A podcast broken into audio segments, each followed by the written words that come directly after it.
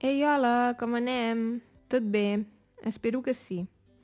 De vegades em passa que la gent em pregunta Laura, és normal oblidar paraules? O és normal que empitjori el nivell d'aquesta llengua? I m'agradaria parlar d'aquest tema. Mm, sí, uh, res, espero que estiguis bé moltes gràcies als meus patrons. Si voleu fer-vos patron, tindreu l'avantatge de poder accedir a 30 transcripcions del podcast i n'hi aniré afegint. Ara, avui, el dia que gravo, n'hi ha 30. O sigui que déu nhi I res, si em voleu ajudar, compartiu els vídeos, compartiu els episodis del podcast, o feu-vos Patreon o doneu-me suport a Ko-Fi. Us ho agraeixo. Molt bé, doncs res, ja podem començar. Vinga, som-hi!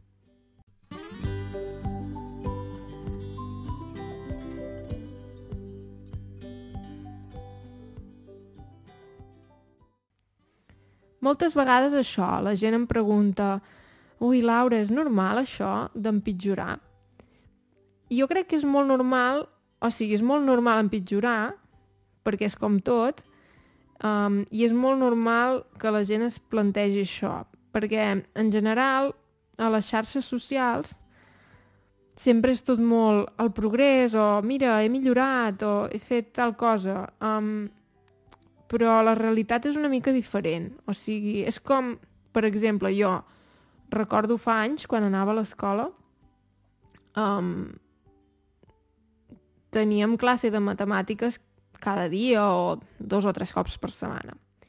Llavors jo ho tenia molt fresc tot això de les matemàtiques, o sigui, i me'n sortia bé, però Ara he estat anys sense fer absolutament res relacionat amb, amb matemàtiques i simplement crec que el cervell s'adona que això no, no és útil, entre cometes, o no es fa servir, i diu, ui, això ja no cal. Centrem-nos en altres temes. I crec que això també passa amb les llengües. A mi sempre em passa. De fet, ara que, que estic aprenent diferents llengües, sempre em passa, me n'adono dic, ostres, ara que m'he centrat més, per exemple, en el suec, he oblidat una mica l'italià. O ara que, que aprenc tant suec com italià, el rus ja no el parlo tan bé com abans. I crec que fins a cert punt és normalíssim, és molt normal. De fet, a mi em va passar fa anys, eh, quan vaig arribar a Alemanya, vaig estar 3 o 4 anys sense fer servir el francès. Què va passar? Jo vaig arribar que devia tenir un nivell B1, B2, i vaig estar 3-4 anys sense fer-lo servir. Per què? Home, perquè em volia centrar en l'alemany, perquè la meva prioritat no era el francès. Vivia a Alemanya i simplement el francès no era la meva prioritat. Però va arribar un moment que vaig dir, ostres, quina llàstima, oi? Tants anys aprenent el francès i ja no me'n recordo de res vaig pensar. I la veritat és que un cop m'hi vaig posar, o sigui, un cop vaig començar a tornar a aprendre'l, a tornar a dedicar-hi temps, etc, realment em vaig adonar que, que el vaig aprendre o el vaig recuperar bastant ràpid. Mm, jo crec que és perquè sí, s'oblida, però es pot recuperar. O sigui, jo puc recuperar més ràpid una llengua que ja parlava que no pas començar-ne una de nova. O sigui, això crec que és bastant lògic. Um, llavors, si tu dius, ostres, he estat, per exemple, visc a Catalunya però ara fa... he estat uns mesos a casa, um, no ho sé, on sigui, um, i no he parlat el català, no he llegit en català, no he escoltat res en català... Home, és que és molt lògic que, que hagis empitjorat, o sigui, Seria estrany si no haguessis empitjorat gens. De fet, a mi això fins i tot, fins a cert punt, em passa amb el català i amb el castellà, perquè jo ara que he viscut gairebé, o més de 10 anys, de fet, a Alemanya, em passa molt que dic, ai, com es diu això en català? O com es diu això en castellà? Em passa. Vull dir que fins i tot amb una llengua que semblaria que no m'hauria de passar. Evidentment que són coses puntuals, però pot passar. Mm, sobretot si, si parles bastantes llengües, de vegades passa confondre's, um, dir coses una mica estranyes o formular la frase d'una manera poc natural. Pot passar, la veritat. És normalíssim. I si em vols preguntar, ostres, i com ho puc evitar? Jo crec que evitar-ho 100% no es pot. O sigui, és la meva opinió.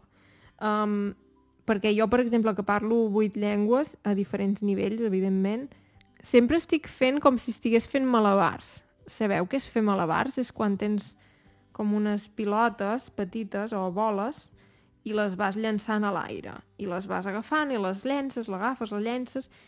Jo crec que si tens moltes boles hi ha perill que te'n caigui alguna terra o hi ha perill que no l'agafis del tot bé o que la llancis massa tard. No sé si s'entén aquesta metàfora, però vull dir que sí, jo crec que sempre passarà això. El que passa és que és com tot. Si practiques molt, sabràs fer malabars millor que si no practiques gaire.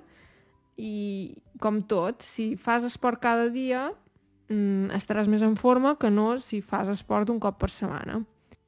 Però clar, si fas esport un cop l'any, evidentment no estaràs gens en forma. Llavors, és una mica això. Si practiques més, si tens pràctica, diguem-ne, almenys setmanal, serà molt més fàcil mantenir un bon nivell, oblidar menys, etc. Llavors jo sempre el que recomano i que intento fer jo també totes les llengües que parles, estar en contacte almenys un cop per setmana. Jo és el que intento fer. Per exemple, amb rus tinc, tinc classe un cop per setmana. Llavors, això m'assegura que sí, potser me n'oblidaré una mica, perquè he anat afegint altres llengües també al repertori, diguem-ne, però no ho oblidaré tot, o sigui, sempre hi tinc aquest contacte que fa que, que no me n'oblidi, diguem-ne, o sigui, que no m'oblidi de la llengua. Sí. Llavors aquest és el consell.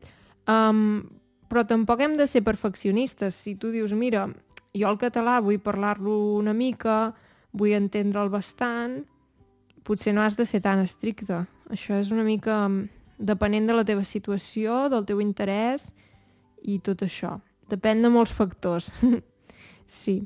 Res, espero que t'hagi agradat. Si vols em pots deixar un missatge a YouTube um, per exemple, el vídeo que vaig fer sobre el podcast i donar-me idees o dir-me què en penses de tot plegat. D'acord? Espero que t'hagi agradat. Vinga, fins aviat, que vagi bé. Adeu!